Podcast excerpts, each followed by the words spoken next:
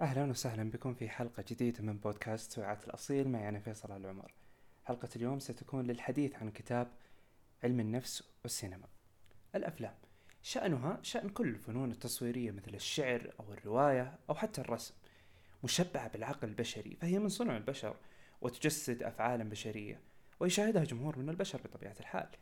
إنها شكل فني مفعم بالحيوية البالغة. استخدم صورا متحركة أخاذة وأصواتا نابضة بالحياة. للربط بين صناع السينما والجمهور عبر الشاشة. قبل ما يقارب الخمس سنوات تقريبا بدأت مشاهدة الأفلام بكثافة. قبل الخمسة سنوات كنت أعتقد أن من مضيعة الوقت أن أضيع ما يقارب الساعتان إلى ثلاث ساعات أمام شاشة لأشاهد مجرد قصة تروى بإمكاني أن أختصرها في العشر دقائق أو خمس دقائق. حتى اكتشفت بعد أن مارست كتابة القصص بأن الموضوع ليس بهذه البساطة. هذه الشخصيات الموجودة أمامنا أو ذلك الشخص الذي يروي لنا القصة عن طريق الأشخاص الموجودين أمامنا وهم الممثلين أو المصورين أو الإخراج الموضوع ليس سهل جدا. هذه الشخصيات المبنية أمامنا أكثر عمقا مما نتخيل. فالشخصية الواحدة الموجودة في الفيلم ولنقل أنها مقتبس من رواية تكون لديها انفعالات وتصرفات أكثر مما نعتقد. فشخصية الغني على سبيل المثال التي نشاهدها أمامنا كشخصية غني يبطش في الناس شخصية تقليدية عن الشخص الغني. إلا أن في حقيقة الأمر التصوير الذي قدمه لنا الفيلم عن شخصية الغني جعلنا نرى الأغنياء في الواقع كما يريد الكاتب والمخرج أمامنا. فلذلك إن الربط بين القصص والأفلام وإن صنع الشخصيات أمر في بالغ الخطورة وبالغ الأهمية. فكثير من تصوراتنا النمطية الموجودة الآن حولنا صنعناها بفضل الأفلام. كثير من تصوراتنا عن دول تصوراتنا عن وظائف عن تخصصات أيا كان مبنية بسبب الأفلام والمسلسلات. فالأمر ليس مجرد شخصية أمامي تتحرك كما كنت أعتقد سابقا. الأمر أعمق بكثير. الموضوع هو رسالة أراد أن يوصلها لك ولكن عن طريق شخصية لديها أبعاد أكثر مما تتخيل. فالأمر لا يقتصر فقط على خط أو خطين من خطوط الشخصية. الموضوع أن هناك شخصيات بعد أن تخرج من السينما ترافق بعدها بشهر أو شهرين بفترة طويلة وربما تتصف أنت بصفات موجودة في هذه الشخصية وأنت لا تشعر بهذا الأمر. فهذا من الذكاء الموجود في السينما والربط بينها وبين علم النفس. بدأ في الكتاب الحديث عن سيكولوجية الأفلام فقال أن الأفلام نوافذ أو مرايا تعكس عالم السلوك البشري وطرائق عمل الذهن والطبيعة البشرية ذاتها حيث يمكننا عبر الاندماج في الفيلم رؤية التطور الفردي أثناء حدوثه أي عمل الآليات الدفاعية اللاواعية والعمليات الاجتماعية النفسية. هنا يصبح الفيلم مسرحا تعرض عليه الكينونات النفسية عبر عملية قراءة أو تفسير باعتباره نوعا من النص الرمزي للفيلم. والأنواع الأخرى تشمل الروايات والقصائد والصور الفوتوغرافية والتماثيل. بالإمكان أن نصل إلى رؤية أكثر نفاذا للأفراد والمجتمع. لذلك لا يمكننا أبدا أن نقول أن العمل الفني هو فقط تصوير لقصة أو نقل لقصة. البعض يعتقد أن مهمة العمل الفني ومهمة الفيلم أو المسلسل بأن يحاكي الواقع بأن ينقل لي مشاكل الواقع بأن يعالجها. أبدا ليست هذه مهمة الأفلام أو الأعمال الفنية بأن تعالج القضايا الاجتماعية. هي تنقل. لكن ما وراء النقل هذا تكمن هنا الأهمية بأن سأنقل لديك فكرة موجودة لدي عن ما يحدث في الواقع ولكن من منظوري أنا ربما نرى علاقة بين فقير وغنية أو غنية وفقير. نراها علاقة سطحية وتنقل لنا موجودة بالمجتمع إلا أن الذكاء الموجود في الفيلم ارتباطات جعلت هذا فقيرا وجعلت هذه غنية وجعلتها تتسلسل الأحداث مما يقنعني بالأيديولوجية التي يريد أن ينقلها لي كاتب الفيلم والمخرج. ركز الكاتب في هذا الفصل على العديد من مقاربات تفسير الفيلم القائمة بوضوح على نظريات سيكولوجية وأيديولوجية عن الطبيعة البشرية والمتجسدة في عبارات مثل أنماط السلوك الرغبات المكبوتة والجهاز النفسي. أولا بدأ الحديث عن السلوك البشري في الأفلام في حين أنه يوجد عدد لا نهائي من مجالات السلوك البشري التي يمكن تجسيدها في الحبكات والشخصيات ومواقع الأفلام. فإن كل تلك السلوكيات لا تتطلب نظريات معقدة لفهمها وقد توغل علماء الاجتماع بالتفصيل في دراسة عدد كبير من الموضوعات السلوكية التي تظهر في الأفلام مثل العنف والأمومة والتدخين والجريمة والأحلام والعلاج النفسي وحتى المرض النفسي. وقيل أن هناك تشبيع للأفلام بالأفكار التي حتى تظن أنت بأنها من غير المنطقي أن تكون موجودة. فمثلا إذا أردنا أن نعرض مسلسل أو فيلم لطفل فإننا نحاول أن نتجنب السلوكيات المجتمعية التي لا نريد أن نشاهدها بالذات العنف إلا أن الأمر في الأفلام مختلف تماما. في النقل فيقول وجد أن أفلام الرسوم المتحركة من إنتاج ديزني تتضمن مشاهد عنف غير مباشر بمعدل تسع مرات في الساعة ومن اللافت أيضا أن شخصيات ديزني الطيبة والشريرة على حد السواء تتورط في ممارسة العنف العلائقي بيد أن أفعال الشخصيات الطيبة تجنح إلى العنف بدرجة قليلة إيماء أو عبوس على سبيل المثال.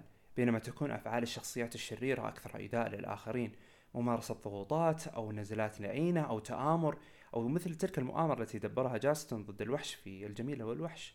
من هذا المنطلق نعرف أن هناك دعم لأفكار لا نعتقد أنها منطقية مثلا في توم وجيري نحن نشاهده كمسلسل للأطفال وسلسلة ممتازة للأطفال لأنها مشبعة بالعنف الذي لا نريد أن ننقله للأطفال إلا أن الحبكة الموجودة في الأفلام أن ينقل ويمرر أفكار أنت لا تعتقد أنها مرت إليك أو مرت إلى أي شخص إلا أنها مرت بالطريقة التي يحتاجها المخرج والكاتب. والسلوكيات المتعلقة بالصحة أو السلوكيات غير الصحية بوجه أخص في الأفلام مثل تعاطي الخمور أو التدخين هي موضوعات متواترة بكثرة في تحليل المضمون. يتوافق هذا الاهتمام مع التوسع الذي شهده مؤخرا علم نفس الصحة وهو مجال تطبيقي فرعي مخصص للمساعدة والوقاية من المشاكل الصحية ومعالجتها باستخدام تقنيات نفسية.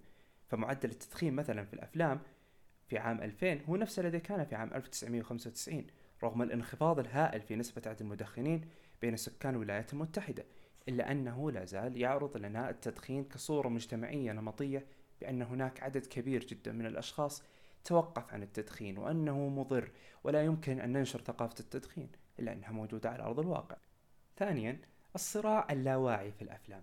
ببساطة في نظر بعض النقاد طريقة تناول الأفلام بصورة سطحية وحسب فلكي يفهم المحلل الإشارات النفسية في الأفلام بحق عليه أن يأخذ في اعتباره المغزى الأعمق أو المعنى الجاري ويعرف بول ريكور الرمز بأنه أي شيء. ويقول فإن فرويد هو صاحب التأثير الأكبر في نظرية الفيلم. لقد كان فرويد دائما شخصية مثيرة للجدل وبالإمكان توجيه نقد شديد اللهجة لمناهجه واستخلاصاته. فجوهر الفكر الفرويدي يمكن فهمه من خلال الإحاطة ببعض الافتراضات الأساسية عن الطبيعة البشرية. واحد يتحدث أنها تتحرك الكائنات البشرية منذ الميلاد مدفوعة برغبات أنانية بهدف جلب المتعة وتجنب المعاناة. ثانيا نحن نولد بدوافع أساسية بطاقتنا الحيوية الأولية الهو ومن ثم نتعلم القيام بالمساومات الضرورية في الحياة اليومية الأنا. وفي نهاية المطاف نكتسب من والدينا حسا مدموجا بالصواب والخطأ الأنا العليا. هذه الشخصيات الثلاثة تدخل في صراعات. المخرج والكاتب يجعلك تشعر بهذه الصراعات الثلاثة الموجودة أمامك دون أن تشعر مما يجعلك ترتبط ارتباطا وثيقا بشخصيات الفيلم. لأن أحد الشخصيات هذه إما هي أن تكون الهو أو الأنا أو الأنا العليا. فتحدث في الفصل الثالث وهو الأنماط الأولية في الأفلام بأن كارل يونغ تحدث عنها أنها مقاربة سيكولوجيا إلى إسهام كبير في مجال تفسير الأفلام. فيقول اللاوعي أنه أكثر من مجرد مجموعة من الدوافع الأولية والعقد الشخصية غير المحلولة ويرى أن هذا اللاوعي يسميه الأنماط الأولية هو صورة مألوفة لنا في الفيلم لشخصية مثل الأب والأم والحكيم والبطل. فتحدث مثلا في صياغة فيلم حرب النجوم أو Star Wars هو من أكثر الأفلام التي حظيت بتركيب هذه الشخصيات أمامنا مما يجعلنا نرتبط بالشخصيات لأنها مقاربة للشخصيات الموجودة في الواقع. فتحدث أن أوبي هو الحكيم وووكر هو البطل وهان سولو هو المارق والأميرة ليا فتاة في ورطة. هذه الشخصيات الموجودة جعلتنا نرتبط ارتباطا وثيقا بها لأنها مشابهة لشخصيات موجودة بالواقع. أما رابعا تحدث عن الأيديولوجيا بمعنى أنها القوة الثقافية التي تحول بين الأفراد في المجتمع. الأيديولوجيا نسق من التمثيلات في صور وخرافات وأفكار أو مفاهيم حسب الأحوال يتمتع بدور وجودها تاريخيا في مجتمع ما. وقال إن تحليل منتجات الثقافة الجماهيرية بوصفها صورا فنية وترفيهية ذات طبيعية رمزية يشكل جزءا حيويا من الدراسات الثقافية. وتمثل تلك التحليلات النصية من منظور علم النفس الثقافي طريقة لاستجلاء الأبعاد الاجتماعية للحياة البشرية. والأمثلة على القراءات التي تستخدم الفيلم لفهم البشر من خلال الظروف الاجتماعية كثيرة وتأتي من اتجاهات مختلفة. فمثلا كتاب من كالياري إلى هتلر عام 1447 هو دراسة سايكولوجية اجتماعية كلاسيكية للأفلام. إذ يحاول سيفرد كارور فهم الذات الألمانية في الفترة التي سبقت صعود هتلر عبر تحليل الأفلام من هذه الحقبة. ففي مطلع الثلاثينات أكدت الأفلام الألمانية بعينها على موقف مناهض للسلطوية لكنها لم تقدم بديلا اجتماعيا بناء وفي المقابل قدمت أفلام أخرى صورة بطل فد يجسد سمات القوة والزعامة والعزيمة وهي صفات كانت تروق لأمة جريحة جراء الهزيمة التي منيت بها في الحرب العالمية الأولى. وبالنسبة إلى كراور كان مقصود الدكتور كاليري فيلما مميزا بصفة خاصة حيث تدور قصته حول منوم مغناطيسي يقوم بدفع شاب تحت تأثير التنويم المغناطيسي إلى ارتكاب جريمة قتل مما يمثل صورة مجازية مثالية لتأثير الساحر الذي يمارسه هتلر على رفاقه النازيين. تنطلق معظم الأمثلة على التفسيرات الأيديولوجية للأفلام التي استعرضتها حتى الآن هي من تمثيلات لأنماط معينة من الشخصيات ومن ثم تعمد إلى استخلاص نتائج عن الشخصية الوطنية أتلك هي الطريقة التي تريدها هوليوود؟ وتقضي مسلمة المضمرة لهوليوود بوجوب تحويل جميع المعضلات السياسية والاجتماعية والاقتصادية إلى ميلودراميات شخصية فقلق أمريكا بشأن التدخل في الحرب العالمية الثانية على سبيل المثال يتم احتوائه في تردد ريك هيمبري في مساعدة فيكتور لازو في فيلم كازابلانكا وتقريبا كل الأفلام الأمريكية يجب أن تتبنى حول عدد قليل من النجوم الذين يحددون حركة الأفلام بأكملها. خامسا نحن المشاهدون في الأفلام. ظهر مجال بحثي خاص بدراسات الفيلم يحتل فيه الفيلم مكان الصدارة. وجد دارسو الأفلام بادئ ذي بدء أنه من الأهمية بمكان التمييز بين طبيعة الفيلم وما عداه من الأشكال الفنية. فأهمية الأفلام لا تكمن فقط فيما تتناوله المحتوى فطرائق تصوير الفيلم وإنتاجها وتوزيعها له القدر نفسه من الأهمية. هنا أتحدث عن أمور عديدة جدا مرتبطة خاصة بجزئية التصوير وجزئية الإنتاج. لنا كأشخاص مشاهدين تجعلنا مرتبطين بالأفلام سأحاول أن نمر عليها بسرعة. الأولى هو التقمص. كم مرة كنا نتابع مسلسل أو فيلم فجأة وجدنا أن نتكلم مع الشخصية الموجودة. لا تدخل إلى هذا المكان لا تكلم فلان لا تذهب بأي طريقة. هذا التقمص الذي شعرنا به كان بسبب تصوير أو مثل ما يسميه هنا التماهي أو التلصص. هذا جزء ثاني. لأن المشاهدين يشاركون في الفيلم وفي الوقت نفسه منفصلون عنه تنشأ مسافة بينهم وبينه تكون في آن واحد مدعاة للإحباط فمثلا مثل ما قلنا في المثال السابق بأن ننادي الشخصية ونتحدث معه وهي غير تسمعنا. فإن موضوع التلصص أمر يجعلنا في غاية الإحباط بأن الشخصية لا تنصت لنا. وتحدث مجموعة العمليات تلك في منطقة ضبابية من الوعي. يشعر فيها المشاهدون أنهم يفهمون تجربة البطل وفي الوقت نفسه يعرفون أنهم غير موجودين في تلك الأرض الغريبة التي تدور فيها أحداث الفيلم. وتزداد تجربة الجمهور كثافة من خلال تلك المتعة التلصصية المتأنية من التطلع إلى الحياة الخاصة للآخرين. وهي متعة يمكن تحقيقها فقط من خلال عدم تصديق ما يجري في الفيلم. وعندما تكون التجربة الخاطفة الفيلم ما ذي محدودية غير كافية يمكن للمشاهد أن يحاول تجميد النظرة عن طريق المطالبة بالاستحواذ على الشيء من خلال شغف فيتشي أو ما يسمى ملصقات الفيلم أو إعادة مشاهدة شبيهة بالأصل. الفصل الثاني صور الاضطرابات النفسية والأمراض النفسية. يحملنا التفكير بالاضطرابات النفسية إلى تلك الحافة المخيفة لآلية عمل النفس البشرية حيث البشر يخطئون التصرف ولا يتصرفون بالطريقة التي يريدها منهم الآخرون. أو تلك التي يعتقدون أنه يتعين عليهم التصرف بها. إن مملكة الاضطرابات النفسية أو الجنون هي الجانب المظلم المحتوم لمجال الصحة النفسية. وإن المرض النفسي قضية محل جدل واسع. فلقد ظل الأطباء النفسيون وعلماء النفس وغيرهم من اختصاصي الصحة النفسية لزمن طويل يشعرون بالقلق مما تتسم به تلك النوعية من الصور من مبالغة وتناقض وعدم دقة لهم في الأفلام. يروق صناع الأفلام التلاعب بالسلوكيات المرتبطة بالمرض النفسي. فهم يعملون مجال يقوم على الإثارة وبيع التذاكر ويعرفون أن غالبية الجمهور ليسوا علماء نفس ومن ثم لن يتعرضوا أو يعترضوا على ما يشوب الأفلام من صور نمطية خاطئة عن المرض النفسي أو المعالجين النفسيين. فمثلا يذكر بأن على مر العصور في الأفلام النفسية التي ذكرتها لنا هوليوود على مدار السنين كان هناك تصوير لأنماط شخصية للشخص المجرم على أن لديه مرض نفسي فمثلا القاتل المهووس دائما يقدم لنا على أنه شخص لديه هوس لديه جنون. فهذا الشخص دائما يكون بمحل الشخصية الشريرة. فربما يكون شخص لديه اكتئاب فيصور بأنه بسبب اكتئابه أصبح قاتل وهذه صورة نمطية خاطئة. أو يصور لنا الشخص الذكي ذكاء خارق بأنه مريض نفسيا وهنا ذكر أنه ذو الروح الحرة. وهذا يعني أننا دائما نشاهد أنهم يصورون الشخص خارق الذكاء بأن لديه مرض نفسي أو اعتلال نفسي. وهذا على سبيل المثال موجود في أحاديثنا بشكل عام عن الأشخاص الخارقين. فنتكلم أنه على سبيل العامين نقول هذا الشخص ما هو طبيعي. هذا الشخص وهذا الرد الذي قلناه عن هذا الشخص خرج لنا من طريقة الأفلام في تصوير لنا بأن أي شخص يقوم بفعل مختلف عن الغير موجودين بالرغم أن يكون خارق في هذا الأمر بأنه شخص غير طبيعي وربما يكون مريض. ومثلا صوروا لنا الشخص النرجسي بأنه شخص لديه اعتلال نفسي بأنه يستحقر كل الأشخاص الموجودين.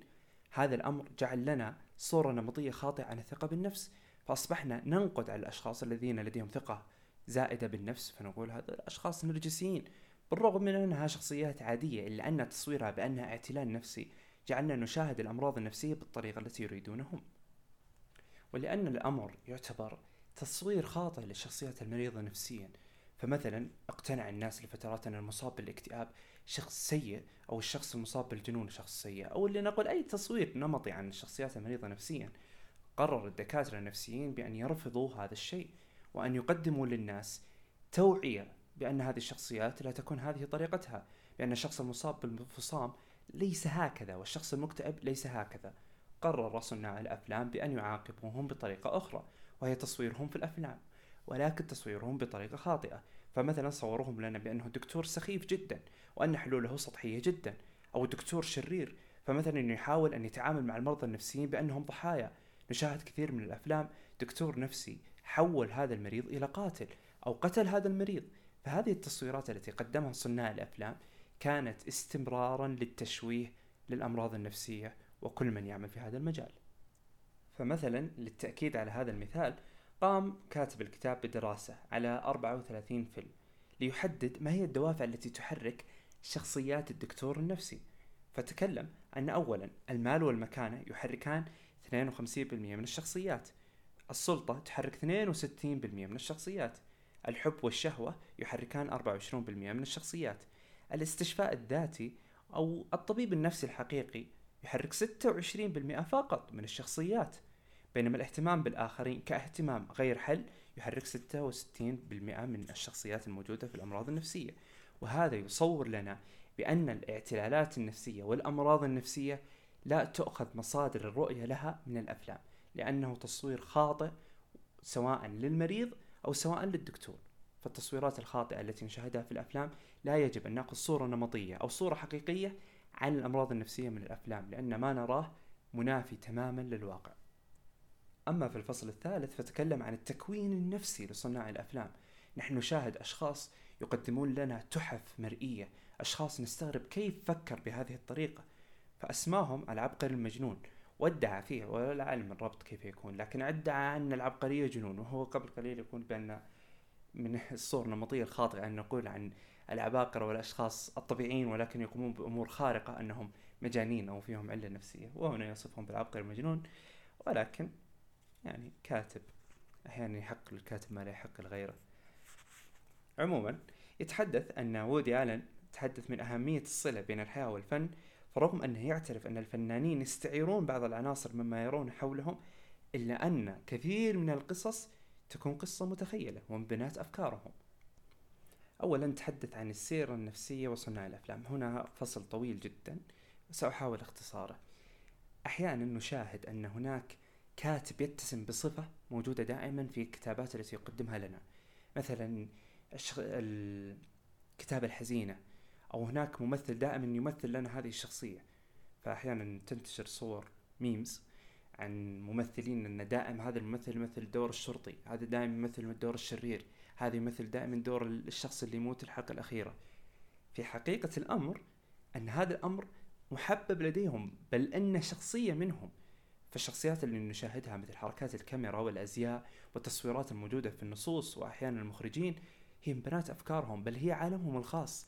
الشخصية التي تشاهد المخرج ينقلها لك ويدافع عنها في لقاءاته وأحاديثه هي شخصية من لديه شخصية من عقله. في بعض الأمور وبعض الأحيان يتقمص الممثل أو المخرج شخصية ولا يستطيع الخروج منها. لذلك نشاهد أحيانا أن هناك ممثلين دائما يلعبون أدوار مشابهة لأدوار كثيرة قد قاموا بهم. هنا ضرب مثال بجاك نيكلسون أنه دائما يلعب دور متمرد ونشاهد أن سيلفستر ستالون دائما يمثل دور القوي ودور جاكي شان مثلا يمثل دور الشخص اللي يحاول أن يسب يعني يصفه هنا بأنه شخص متمرد على المجتمع. هذه الشخصيات موجودة لدى هذا الشخص لدى هذا الممثل. لذلك مثلا إذا طلبنا من شخص يمثل دائما دور الشرير بأن يمثل دور الطيب نشاهد أنه يجد صعوبة في إيصال هذه الفكرة. وأحيانا نواجه نحن المشاهدين صعوبة في تصديق هذا الأمر لأن الشخصية والتكوين الذي شاهدناه لهذا الشخص لا يسمح له ولا لنا بأن نراه خارج هذا النمط. ثانيا المؤلفون. لمحات عن المخرجين. كان ظهور نظرية المؤلف في الخمسينات وهي تقضي بأن الفيلم يعكس الرؤية الشخصية للمخرج فيبدو كأنه هو المؤلف الأساسي للفيلم أحد أهم التطورات التي شهدتها دراسات الفيلم.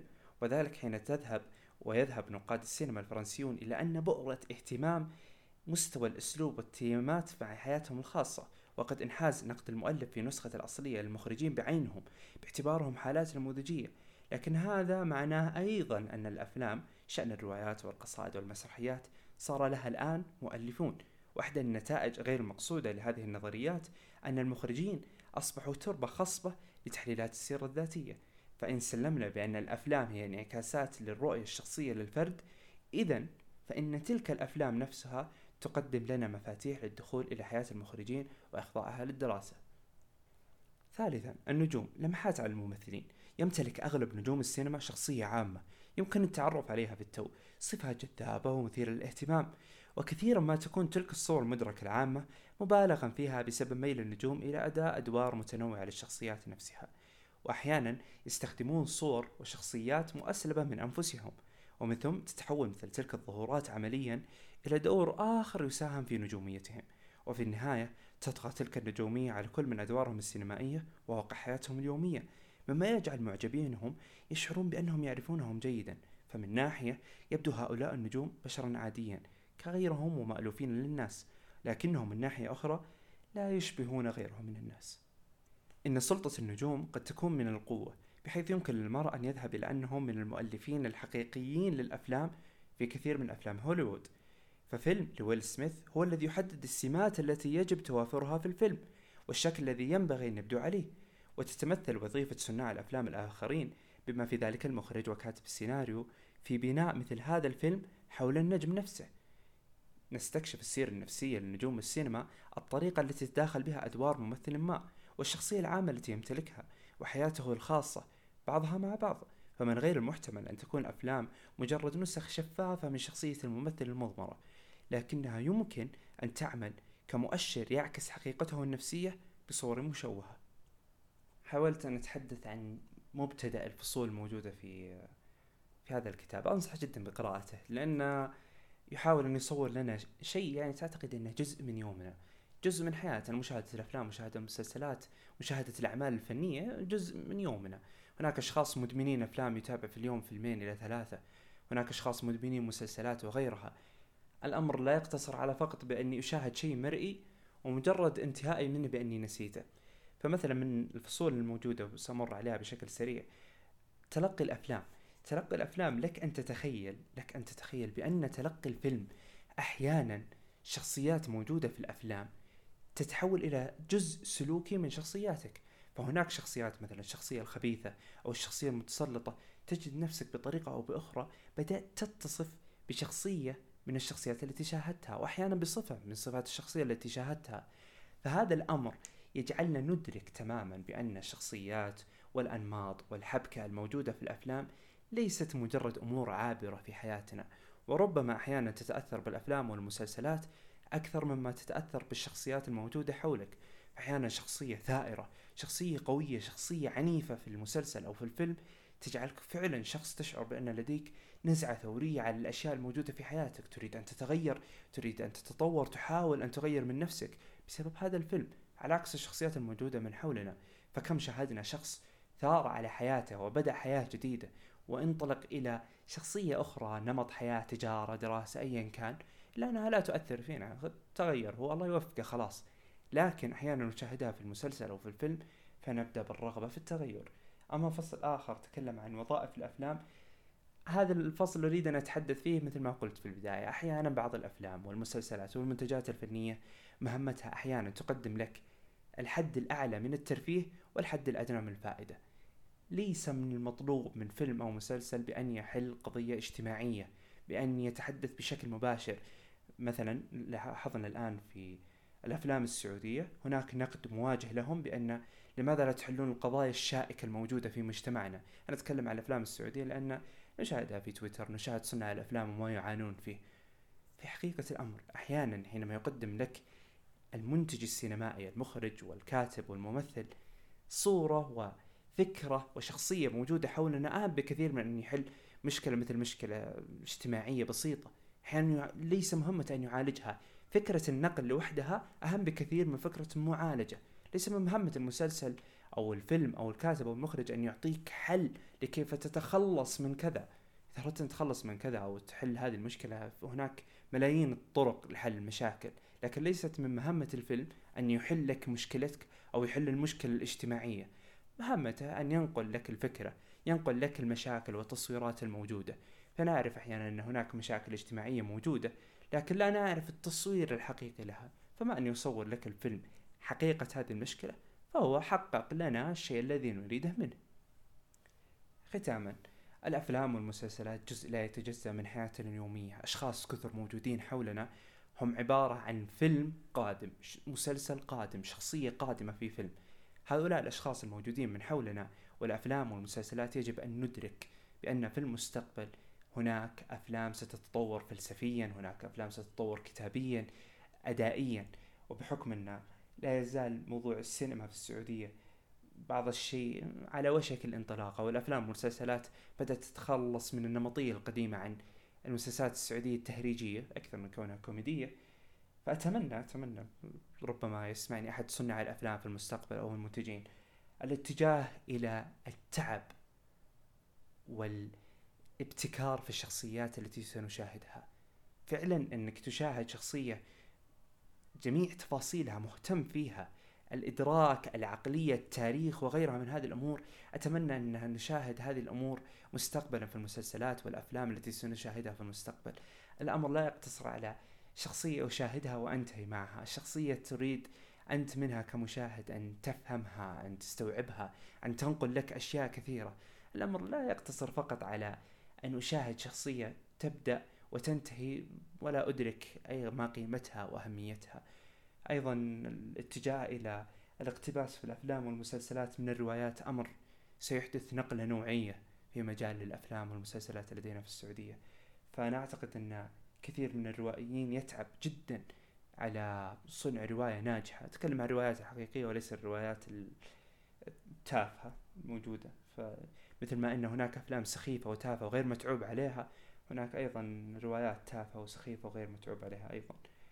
عموما الأفلام والمسلسلات تساعد في تكوين شخصيات أشخاص موجودين من حولنا. الشيء الذي تراه في هذه الشاشة ليس مجرد شخصيات تتنقل وتنقل لك قصة هي أشخاص وشخصيات موجودة تحاول أن تحاكي لك أفعال وردات فعل نفسية وعقلية في العقل الواعي واللاواعي منك. عموما يجب علينا أن نشاهد الأفلام والمسلسلات بعين بأن هذه الأشياء التي نشاهدها حولنا لا تقتصر على أمور تافهة كمشاهدة وضحك وخروج مشاهدة وبكاء وخروج. هناك أشياء أعمق في الأفلام وتعاملها مع شخصياتنا النفسية. شكرا لكم.